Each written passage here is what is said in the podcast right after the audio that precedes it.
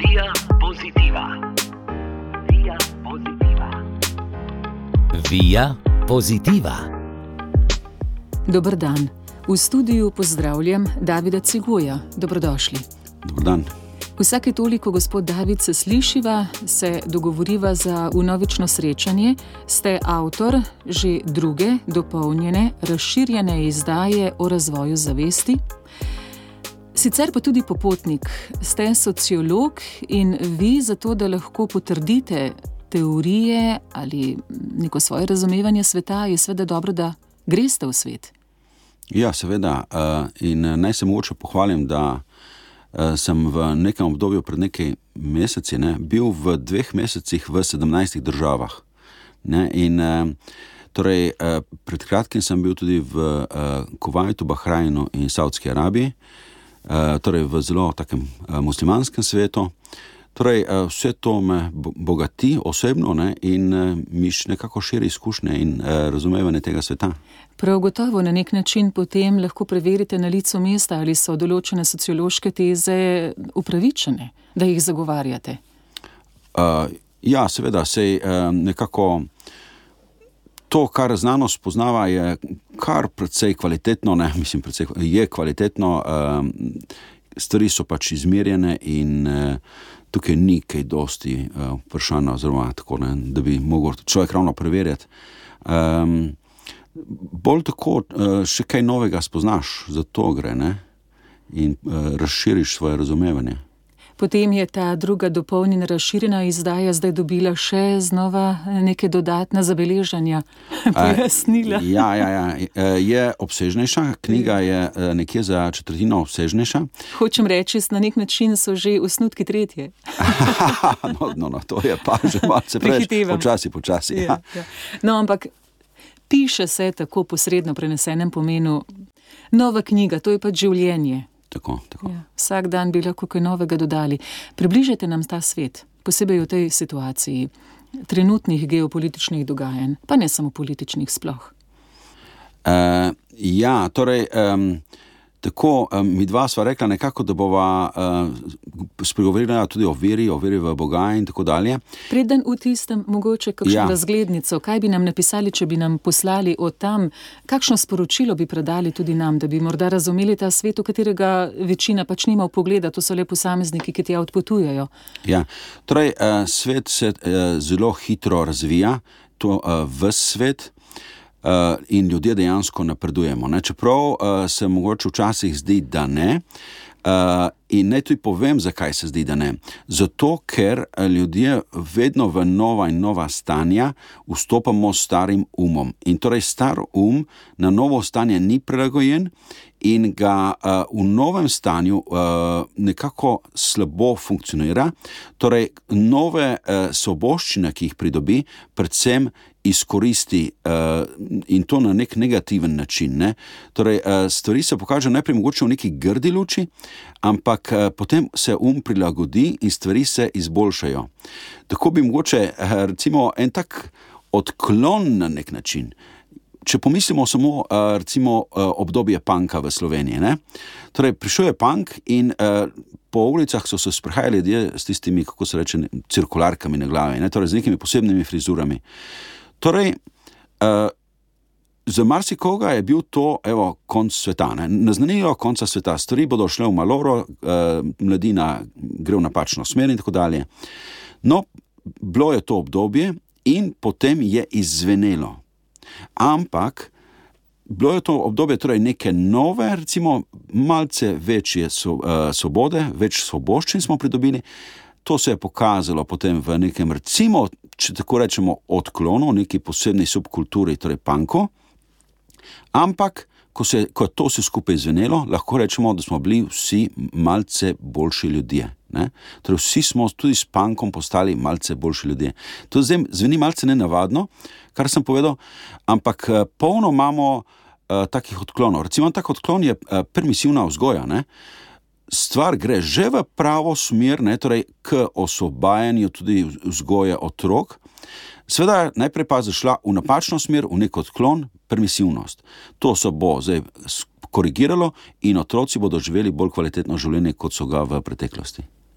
Takšne informacije radi slišimo, oziroma takšne napovedi. Ja, mislim, uh, to je uh, treba razumeti, ker v končni fazi, pogledajte, polno teh nekih uh, raznih modrecov in tako naprej nas kar naprej opozarja, kako gre svet maloro, kako postajamo ljudje vedno slabši in tako dalje. Kar ni res, ne?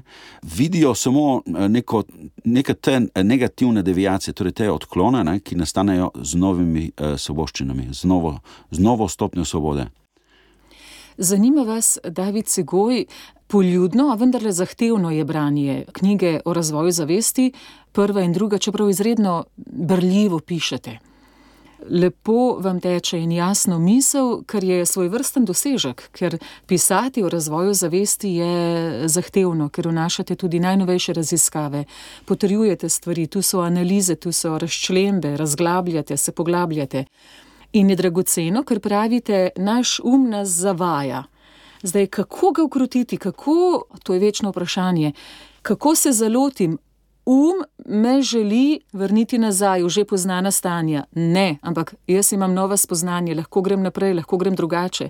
Kako vi osebno to korigirate pri sebi, ko dobivate nova spoznanja, pa se vedno znova morda zalotite, da delujete po starih vzorcih. Kaj naredite, kaj so vaše metode, da imate fokus, da ste jasno na poti s to odprtostjo, s tem optimizmom?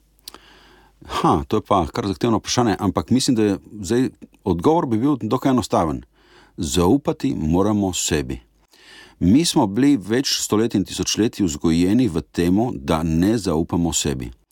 In zaradi tega smo tudi na nek način izgubili stik s sabo, in se nam zdi, da to, kar nam um, telo ali karkoli sporoča, da je to narobe. V bistvu je vse izjemno relevantno. In uh, samo prisluhniti moramo sebi in uh, se potem nekako uskladiti s sabo. In, uh, mislim, da je evolucijsko, če pogledamo, ne, je naše telo in um, torej psihološko in duhovno, vseh, vseh vidikov smo ustvarjeni za neko optimalno funkcioniranje. In če ne funkcioniramo optimalno, je to predvsem zato, ker ne. Uh, upoštevamo vsega, kar nam telo sporoča, in um, in uh, duh. Torej, vse je v bistvu pravilno, ker uh, mi bi dejansko izumrli, če ne bi bilo pravilno. Ne?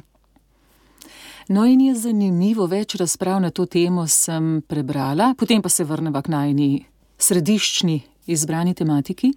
Ko človek napreduje, je sicer v nekem poznanem okolju lahko soočen tudi z neprijetnostmi, kot bi ne sodil več v neko poznano okolje, kot bi prihajalo do ne, nerazumljivih konfliktov, do nekih zapletov, ali je to znak, človek pomiri se, dobro je, napreduješ. Morda ti drugi sledijo, bodi sebi zvest, zanima me ta dinamika. Včasih se prestrašimo in si rečemo: ne, ne, ne, nekaj ni v redu, se bom prilagodil, zato da sem znova nazaj v kalupu poznanega. Ampak to ni napredek. Aha, ja, v bistvu je tako. Ne, torej, s tem, ko napredujemo, dejansko puščamo staro za sabo. Recimo, ja. In če pomislimo, celo moramo pustiti nekatere nam ljube ljudi zadaj. Ampak to ni tolažilno, to je včasih le. Ha, je seveda težko. Na nek način je tudi težko. Ne? To so novi, odpirajo se nove možnosti. In ko se mi spremenimo, postanemo neka nova vrsta človek. Jaz vam povem, jaz poznam recimo par, ki sta se ločila zato, ker je on zašel neke velike težave. Uh, in uh, potem uh, te težave so povzročile pri njemu nek izjemen napredek, na torej naslednjo stopnjo zavesti. Ona je recimo ostala na isti ravni, kot je bila prej, ne? in ona dva nista mogla več živeti skupaj. Uh, torej, stvari so lahko tudi na nek način težavne. Ne? Torej, mi moramo puščati staro za sabo, in to ni enostavno. Uh, kot bi uh, bilo tako, ne? recimo, vem, da imate enih 12 let in še do on dan ste se igrali z igračkami. Zdaj pa nenadoma vam je to dolgočasno, ste to prerasli, uni vaš uh, prijatelj, prijateljica, ki pa je star 11 let, se pa še vedno igra z igračkami. Vi morate tega otroka, tega prijatelja nekako pustiti za sabo, ker on se bo hotel še naprej, bo hotel staro, torej igranje z igračkami, vi pa greste že naprej. Ne? In tako, to je ta osnovni princip, po katerem uh, se odvija razvoj. Ne? eh, dejansko uh, prinaša na- tudi nekaj uh, težkega, torej uh, to uh, odrekanje staremu in odpiranje novemu. No? Uh, v obe smeri gre. No. Gospod David Cigoj, bom kar naravnost vprašala. Čeprav mi je ne ljubo tako razdvajati pa postavljati stvari črno-belo, ker vem, da je odtenkov mnogo. Kako razmišljajo ljudje, ki ne živijo z Bogom, ki v Boga ne verjamejo, ki ga ne čutijo, ga ne slutijo, ga niti ne zaznavajo, se jim zdi to, niti ne vedo, kako bi to opisali. Mogoče nerelevantna tema. Ja, recimo, kako razmišljajo, No. ne verujoči, pa recimo tako. Uh, no, tako bom rekel. Um, kot prvo, Bog je izjemno, izjemno resna tema. Ker Bog je, recimo, temu stvarnik, je stvarnost. Ne? In uh, torej, ko razmišljamo o Bogu, razmišljamo o stvarnosti, kar pomeni o nekako zunanjem svetu, pa tudi lastnem notranjem svetu. Ne? O, razmišljamo o v bistvu nekako vsemu, o tem, kako tudi stvari funkcionirajo. Ne? In uh, torej, mogoče je težava pravzaprav uh, v, ljudeh, ki so nekako uh, verni in še na nek tak veren način razmišljajo o Bogu. Uh, kako razmišljajo torej ti ljudje o onih, ki nekako na ta način o Bogu ne razmišljajo? Gre namreč za to. Uh, pred recimo, recimo v antiki ne, uh, se je, vzpost, uh, recimo 2000 let nazaj, se je vzpostavila predstava o Bogu kot neke vrste uh, bitju, neki entiteti, če tako rečemo, ki upravlja z realnostjo, torej upravlja tudi z našimi življenji. Ne? In uh, vzpostavil se je nek oseben odnos do, do tega Boga, in uh, ljudje so začeli k temu Bogu moliti, ga prositi, se zahvaljevati in tako dalje. Uh, mogoče se sedaj izkazuje, da je tak, taka obravnava Boga zastarela. To je zdaj za marsikoga mogoče malce šokantno, ampak rad bi na tej točki nakazal, da si želim, da bi mi dva sedaj skozi ta a, pogovor tudi nakazala na rešitev. A, namreč, a, če pomislimo, ne, kaj je Bog? Bog je recimo vse, torej to pomeni materija, energija in zavest. Torej, absolutna zavest, absolutna modrost, to pomeni absolutna modrost, absolutna inteligenca, absolutna ljubezen je absolut. Ne? No, in uh, v krščanstvu se verjame, da je bo, uh, človek ustvarjen po božji naravi. Ne? Zdaj, eh, vsak, marsikdo si mogoče to predstavlja, da je tam pol neko bitje, ki ima neko tak, iz, tudi izgled človeka ne, in tako dalje. Sam bi predlagal, da o, eh, o Bogu ne razmišljamo več na ta način. Eh, predlagal bi, da razmišljamo o Bogu kot o stanju stvarnosti, torej o stvarnosti sami. Bog ni neko bitje, ki je tam nekje z enim pultom in našim uh, torej, uh, željam uh, ustreže ali pa ne, ne po njegovi kaprici, ne, po, poljubno, ne, kot se njemu zdi, kot se njemu nekako zazdi v tem trenutku, da je boljše za nas. Ne, torej, če gre za stvarnika in stvarnost, če gre za absolutno zavest, bi bilo primerneje uh, Boga spoznavati. To pa ni enostavno. Človeštvo je pred 2000 leti ubralo lažjo pot ne, in začelo obravnavati Boga kot nekoga skoraj da tam nekje za, na drugi strani pulta. Uh, če je Bog stvarnost, ga moramo spoznavati in to ni enostavno. To od nas zahteva ogromno ene refleksije in spoznavanje vzročno-posledičnih povezav, spoznavanje procesov, zakaj se stvari dogajajo, kako se stvari dogajajo in tako naprej. Mi pa smo pred 2000 leti šli na neko pot lenobnosti, miselne lenobnosti, in uh, posledice so bile hude, zelo hude.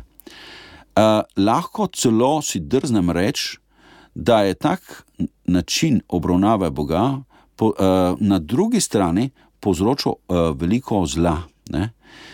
Uh, s tem sem zdaj uh, zelo provokativen, ampak uh, rad bi samo, se ni, ni treba, da torej ljudje uh, sedaj to, kar govorim, dejansko sprejemajo, lahko vsak si vzame nekako to malce z, z neko rezervo, ampak uh, torej, izkazuje se ne, namreč, da se sedaj, ko postaja vedno več ljudi sekulariziranih, ko nekako vira umirajo. In to uh, ne omenim, da je proces izmerjen po vsem svetu. Uh, in je to torej, tudi globalni proces. Torej, vsi ljudje po vsem svetu postajajo vedno bolj uh, neverni.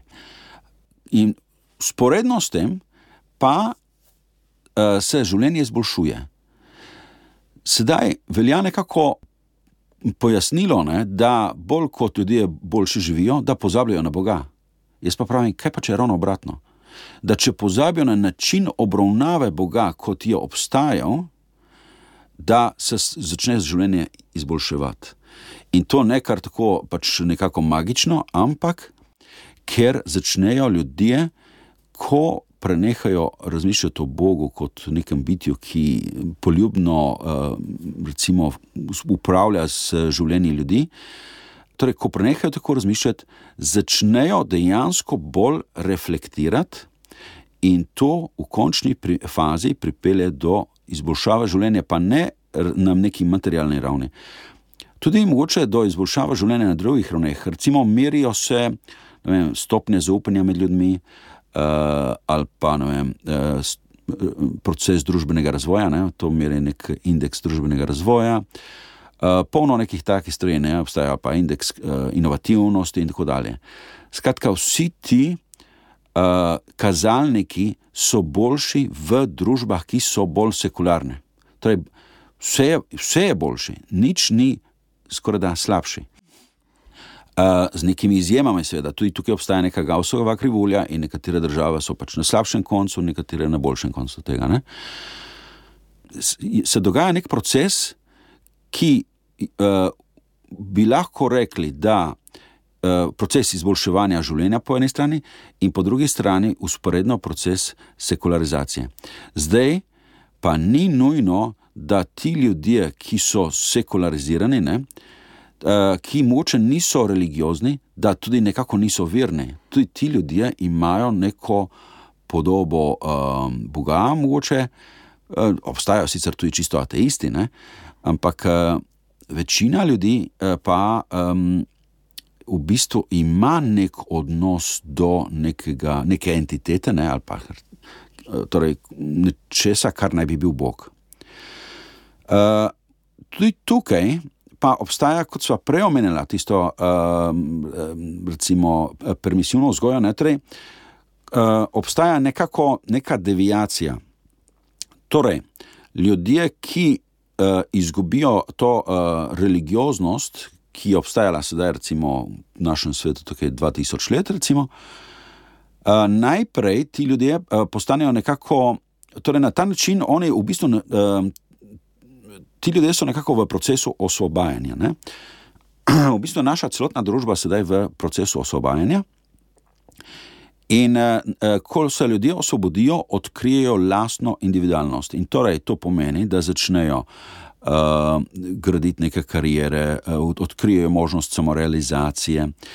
Uh, na bolj negativni strani, recimo, postanejo tekmovalni ali pa uh, pretirano tekmovalni, ne se tekmovalnost nekako je v redu. Ne? Uh, Eh, če so recimo pretirano tekmovalno, ni pretirano uh, potrošniški, materialistični in tako naprej.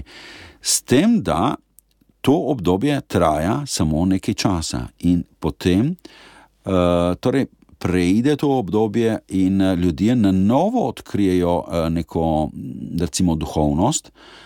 Uh, in, in, in torej ti ljudje potem postanejo podoholjeni, ampak tokrat ne več eh, na, to, da, eh, na način, da bi se obrnili na neko uh, lokalno vero, ne, torej v našem svetu tukaj krščanstvo, ampak se odprejo kakršni koli duhovnosti, ne, recimo uh, mogoče azijskim religijam ali pa nekim drugim duhovnim praksam ali kaj podobnega. Ne.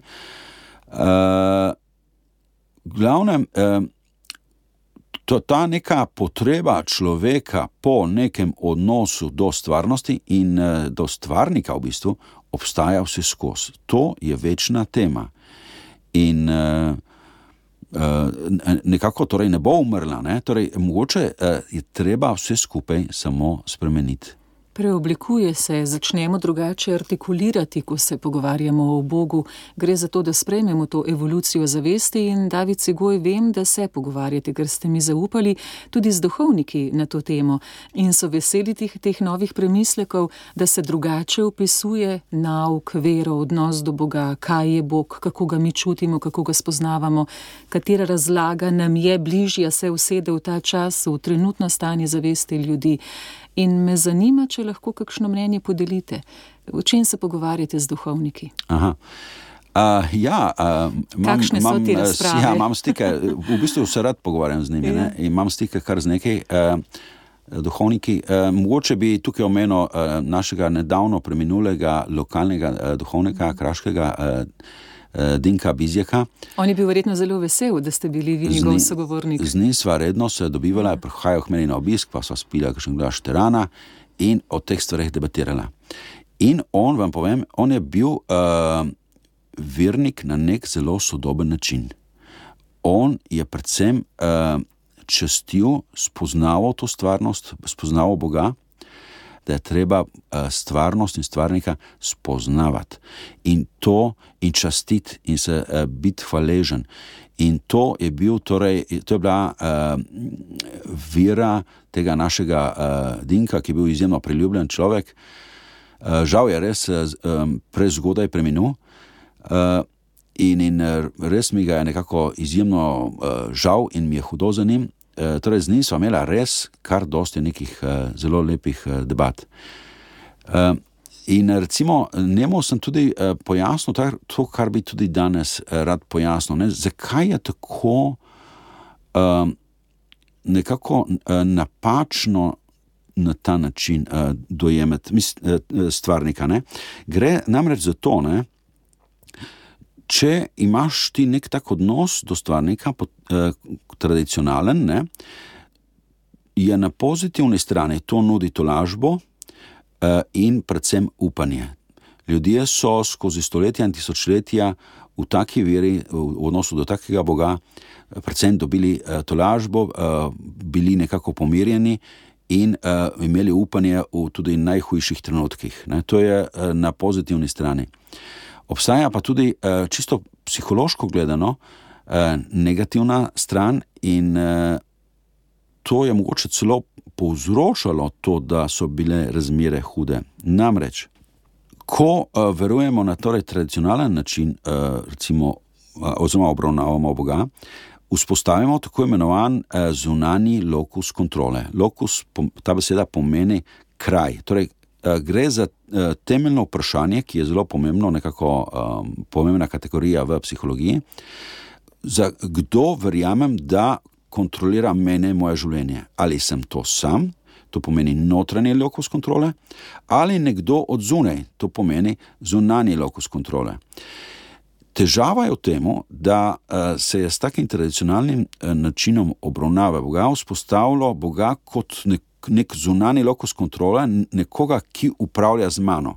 To pa pomeni, da jaz izgubim avtonomijo nad samim sab, seboj. Torej, uh, ljudje ne verjamejo, oziroma niso verjeli, da uh, kakšna je njihova moč upravljanja z lastnim življenjem, in tudi niso upravljali. In različne religije imajo zelo različno uh, to uh, nekako intenzivirano, če tako rečem. Tako recimo muslimani, ne, ki neprestano ponavljajo tisti inšalah, ne, torej, če bo po božji volji. Ne, Pomislite, recimo, samo v Egiptu, ne, kjer je eh, nekje 10% koptov, so ti kopti kot neke vrste elita, napram 90% eh, muslimanov. In eh, kam, ko greš neke muslimanske četrti, so te manj urejene, bolj revne in tako dalje. To pa zato, ker ti ljudje, muslimani in muslimanska vera, torej očitno ima močno dogmo in je tudi precej indoktrinorna, zaradi tega ti ljudje nimajo take avtonomije nad samim sabo in eh, ne verjamejo, da lahko vplivajo eh, na eh, dovolj konkretno, učinkovito na stvarnost, zato je njihova stvarnost slabša. Uh, najbolj očitno je, recimo, kupi smeti z stavbami, ne, ali pa uh, vse nekako umazano, ampak gre tudi za revščino, gre za nedelujoče sisteme in v končni fazi korupcijo.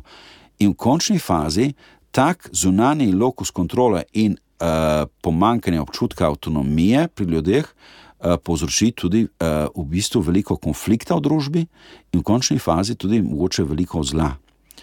Zato uh, nekako. Uh, Torej, krščanstvo je že uh, precej um, ima tudi dogmo, ne, seveda, ampak je precej manj indoktrinorno, je veliko bolj demokratično, zato so pri nas razmere boljše.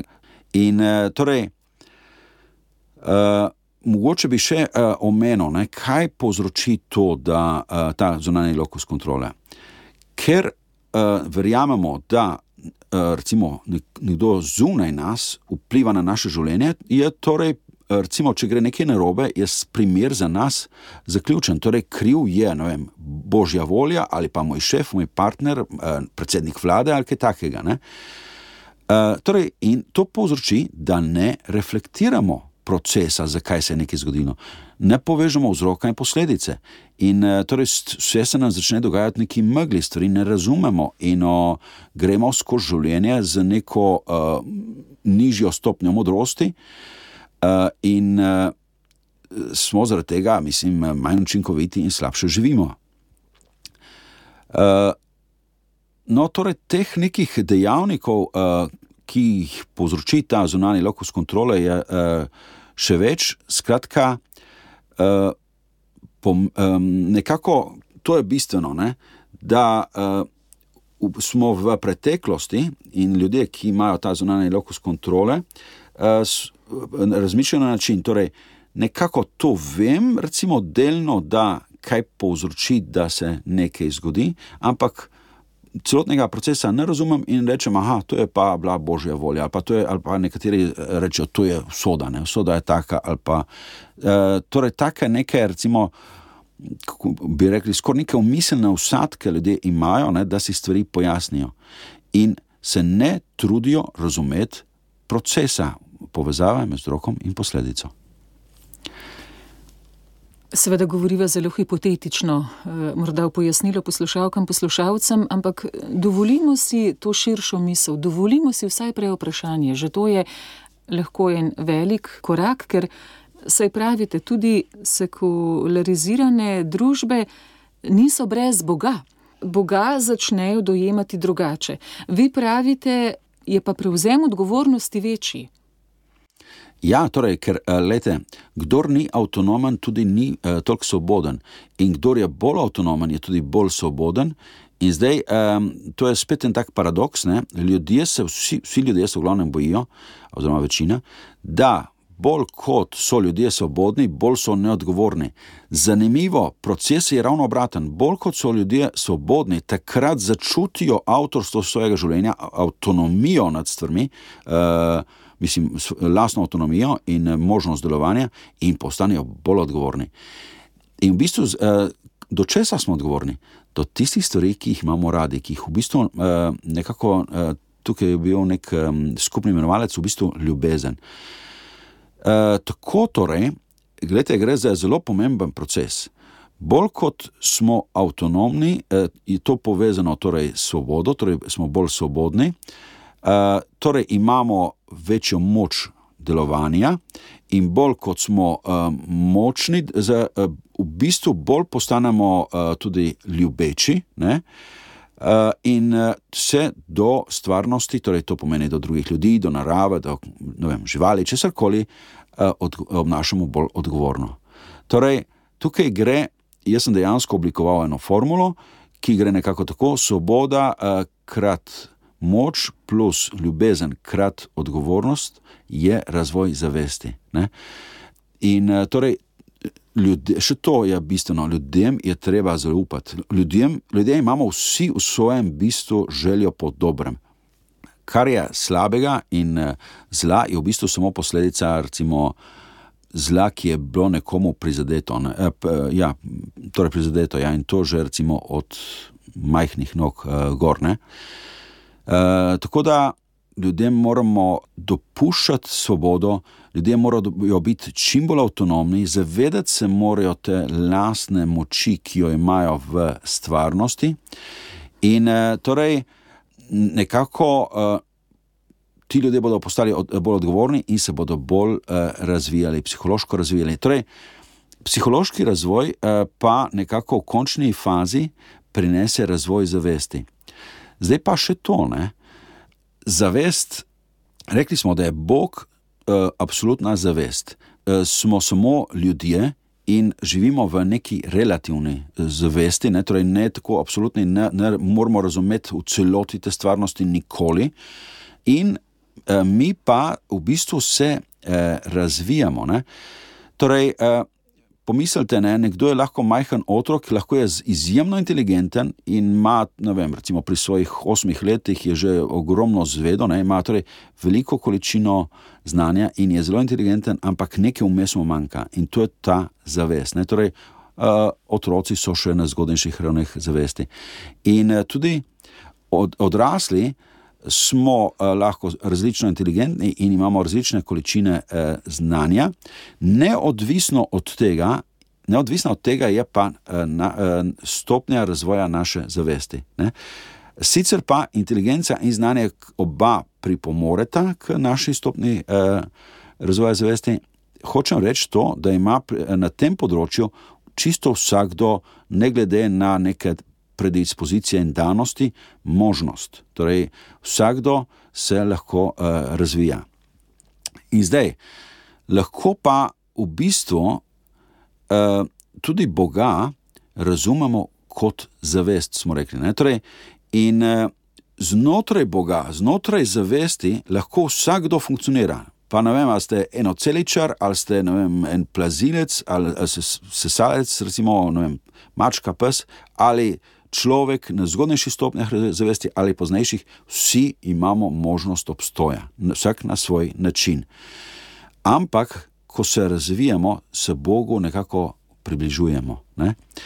In eh, zdaj paradoks, veliki paradoks je ta, da če, eh, kot smo rekli pre, že prej, ne, če verjamemo uh, v neko zunanjo entiteto, ne, in uh, zaradi tega nimamo, torej se sami ne nekako razvijamo, torej to pomeni, da v bistvu se ne približujemo Bogu. Ne?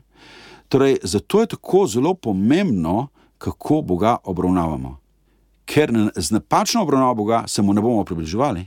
Ne? To je tisto hudo, in zato je potreben nujen premislek uh, o tem. In še to, torej, uh, Recimo, eh, dan današnji je razvojna psihologija eh, opisala stopnje razvoja zavesti že precej natančno. Teh eh, psiholoških kategorij, po katerih je opisana, je že 30 nekje, ne? okrog 30. Ampak zdaj tako, ne? stvar je sicer malo bolj komplicirana in bom tukaj zdaj malce poenostavil. Opisano je, kako ljudje na različnih stopnjah zavesti funkcionirajo na nek način potem lahko iz tega sklepamo ne, na v bistvu stopnjo, uh, kako bi to rekel, na neko ja, stopnjo Boga na tej, kako, recimo, kakšna je uh, narava stvarnosti na tej stopni in to pomeni narava stvarnika. Ne. To zdaj, upam, da je bilo to razumljivo. Mm. Skratka, lejte, imamo stopnje razvoja zavesti, ki so recimo, v psihologiji zdaj tudi nekako oštevilčene, poimenovane, opisane, ampak lahko bi v končni fazi zaključili, da gre tukaj za opis Boga. David Segoj, ko ste rekli, spoznavajmo Boga. Kako konkretno, kje konkretno ga spoznavamo?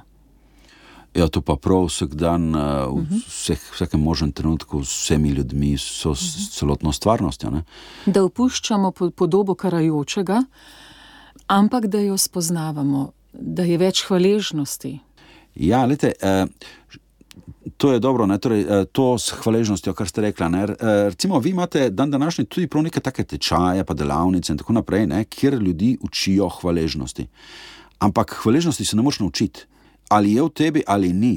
In eh, če je torej moj odnos do stvarnosti tak, da imamo občutek, da stvarnosti ne obvladujem? Torej, eh, da, da sem šibek v tem življenju, da ne, mi ne stvari ne funkcionirajo, takrat bom težko hvaležen. Uh, zato je treba uh, nekako biti čim bolj avtonomen, čim bolj učinkovit v tem svetu, da, boljši, da je tvoje življenje čim boljše in si na ta način lahko hvaležen. In na ta način se izboljša v bistvu tvoj odnos do stvarnosti, torej rekli smo do Boga. In eh, še to, ne? zakaj je tako pomembno torej, eh, spoznavanje Boga? Ker Bog ni nek kapricasto bitje, ki bo meni uh, določilo, kako bom jaz živel, ne? nekaj mi bo omogočil, nekaj pa ne. Ne. Torej, rekli smo, da skozi stopnje razvoja zavesti je Bog. Recimo, zelo napačno rekel, ne, je Bog vzpostavil neko stvarnost, ki je enaka za vse. V tej stvarnosti imamo vsi, za vse obstajajo enaka pravila. Torej, Bog je enak za vse in zato ga moramo spoznavati. Ne pa prositi, da bo meni malo bolj pomagal kot tomu drugemu. Ne? No, vem, v vojnah, tako, če gledate v filmih, ne, ja, obe strani sta eh, molili Bogu. In pol Bog se pa recimo odločil, ok, tokrat bom pa tem pomagal, ne, pa bojo ti le zmagali. Ne, ne grejo tako. Stvari ne grejo tako in nobeden nima kakšne prednosti v življenju in uh, nobeden uh, ni, ne bo nasrkal. Ne, iz nekega kaprica, ampak imamo vsi enako stvarnost, vsi enaka pravila, vsi enake stopne zavesti, vsi enakega Boga. In spoznati ga moramo in znotraj tega funkcionirati. Ne? Se z Bogom stvarnostjo uskladiti, harmonizirati. Tako in potem bomo vsi, recimo, dobro živeli. Zato, da ne obstane nedoločeno in neoprijemljivo, Kar vas je razveselilo v zadnjem času, morda tudi s potovanj z vaših odkrivanj sveta, družbe, kjer se vam je dalo spoznati Boga, lahko pa doma v domačem okolju. Ha, ma, ma veste kaj, jaz sem eh, dejansko skus v nekem procesu. Hm. Ne? Jaz skozi uh, nekako opazujem stvari, ima to prav res neprestano. Ne? In uh, zdaj sem se že toliko zavzel, da neprestano nekaj reflektiram. Ne? In uh, torej, tako mi je omogočeno čudenje in hvaležnost neprestano. Tako da uh, zdaj lahko nekaj izpostavim tukaj, ne? ampak uh, gre, gre za proces. Mm. In uh, naj mogoče to omenim. Jaz sem tudi zdaj precej v stiku z enim budistom, ne? ki je ne tako. Redo, zelo uredo možakar, ki je kar precej visoko v teh nekih budističnih krogih. Uh, in uh, ravno zadnjič smo imeli to neko uh, debato ne, o tem, o stanju zavesti, o stanju duha, ne, kako funkcioniranje. Jaz sem rekel, da jaz eh, nekako dobro funkcioniram. To, kar se mi dogaja v možganjih, eh, se, do, se dobro v tem počutim. Sam sem dal v zadnjem obdobju kar nekaj težkih stvari skozi, ampak to, kar se meni v življenju dogaja, na me ne vpliva. Ne? E, nekako to vsi povezujemo, ja, stvari mi grejo na robe in slabo, torej trpim ne, na neki stopni ti se ti lahko dogajajo najslabše stvari, ampak ne trpiš, ker se zavedaš, da je to samo proces, da je enostavno ne prizadene več. Ne. Še zmeraj je malo neprijetno in tako ne, ampak. Uh, Še to, David, preden si reče v nasvidenju, rekli ste, hvaležnosti se ne moremo, oziroma se je težko naučimo. Zakaj? Hvaležnost je v nas. Kaj jo spodbudi, kaj jo gradi? Ja, recimo na unih delavnicah eh, se učijo to, da ja, zdaj pa je, bodi hvaležen, bodi hvaležen, ja, pa zato hvaležen, ja, pa moraš zahvaliti, pa zjutraj vstani, pa se zahvaljuj in tako dalje. Ne? Čak in v tebi je pa vse nekaj, nekako nek, neka disharmonija in nek, neki konflikt in tako dalje. Ne? Sveda ne moreš biti uh, hvaležen. Če pa prideš do stopnje, ko postaneš razumevajoč, ko razumevaš, razumevanje je pa temelj ljubezni, ne? potem pa tega nekega trpljenja ni več, ker ti razumeš povezavo med vzrokom in posledico, razumeš, zakaj se stvari dogajajo, razumeš procese in tako dalje. In uh, uh, svet je pa vseeno tako lep, da če gre kaj narobe in če, če kaj ni v redu, to razumeš ne? in si prizanesljiv. In uh, seveda si potem tudi veliko lažje hvaležen. Se, ta svet je pa vseeno lep tudi to, ne, veste, debatirava s tem prijateljem, tam se nekaj dosti govori o tej šambali in tako kot neki podobi raja in tako naprej. Ne. Mi ljudje smo si vzpostavili eh, tale svet eh, kot precej taki grob in da nečem celo grd, ne, ne, prav pogosto, ne. ampak eh, stvarnost ne, ni taka. Ne, če pogledamo naravo in tako narava je, glavnem, je, je, je samo lepa. Ne. Mi smo postavili svet, ki je ne lep, ki je grob, surov, zahteven, težaven in tako naprej. Torej, stvarnost, eh, kot nam je dana, je pa v bistvu lepa. Ne. In eh, to neko trpljenje in to vse te neke težave in zlo in tako naprej, kar je človek dejal in še vedno daje skozi, to je dokaj nepotrebno, ne vse skupaj. In kakšna silovita moč je v preoblikovanju narave, če jo mi omažemo, kako močna je ta življenjska sila v njej, da se obnovi in se tudi dejansko zelo hitro obnovi in postane znova lahko rajska. Ja, ja. in to zelo hitro. Ne? In to zelo hitro. Se, se je ugotovilo v nekih primerih eh, v času ja. COVID-a. Kako hitro ja narava prevzame svoje vodenje življenja. Eh, David Segoj, premisleke svadala, kdo sliši, razume, sveda bo delal naprej v tej čuječnosti, v spoznavanju Boga. So ljudje v vsem stvarstvu z veliko začetnico. Kaj lahko rečem? Je, veste, kaj bo rekel? Bolj kot človek napreduje, bolj kot je razumevajoč, bolj kot je ljubeč, bolj kot je avtonomen in odgovoren, opolnomočen, bliže je nekako Bogu in boljši je tam. Samo boljši, samo lažje, potem je zlahka tudi, kot so neko hvaležen. Ne? Prizadevajmo si, rekli ste, razumevanje je ena od bistvenih prvin ljubezni. Da bi razumeli, je pa pomembno, da vprašamo, dobimo razlago, da nam nekdo pojasni. Tu je pa pogovor. Hvala Tako, za pogovor, za izmenjavo mnen, za vaše premisleke.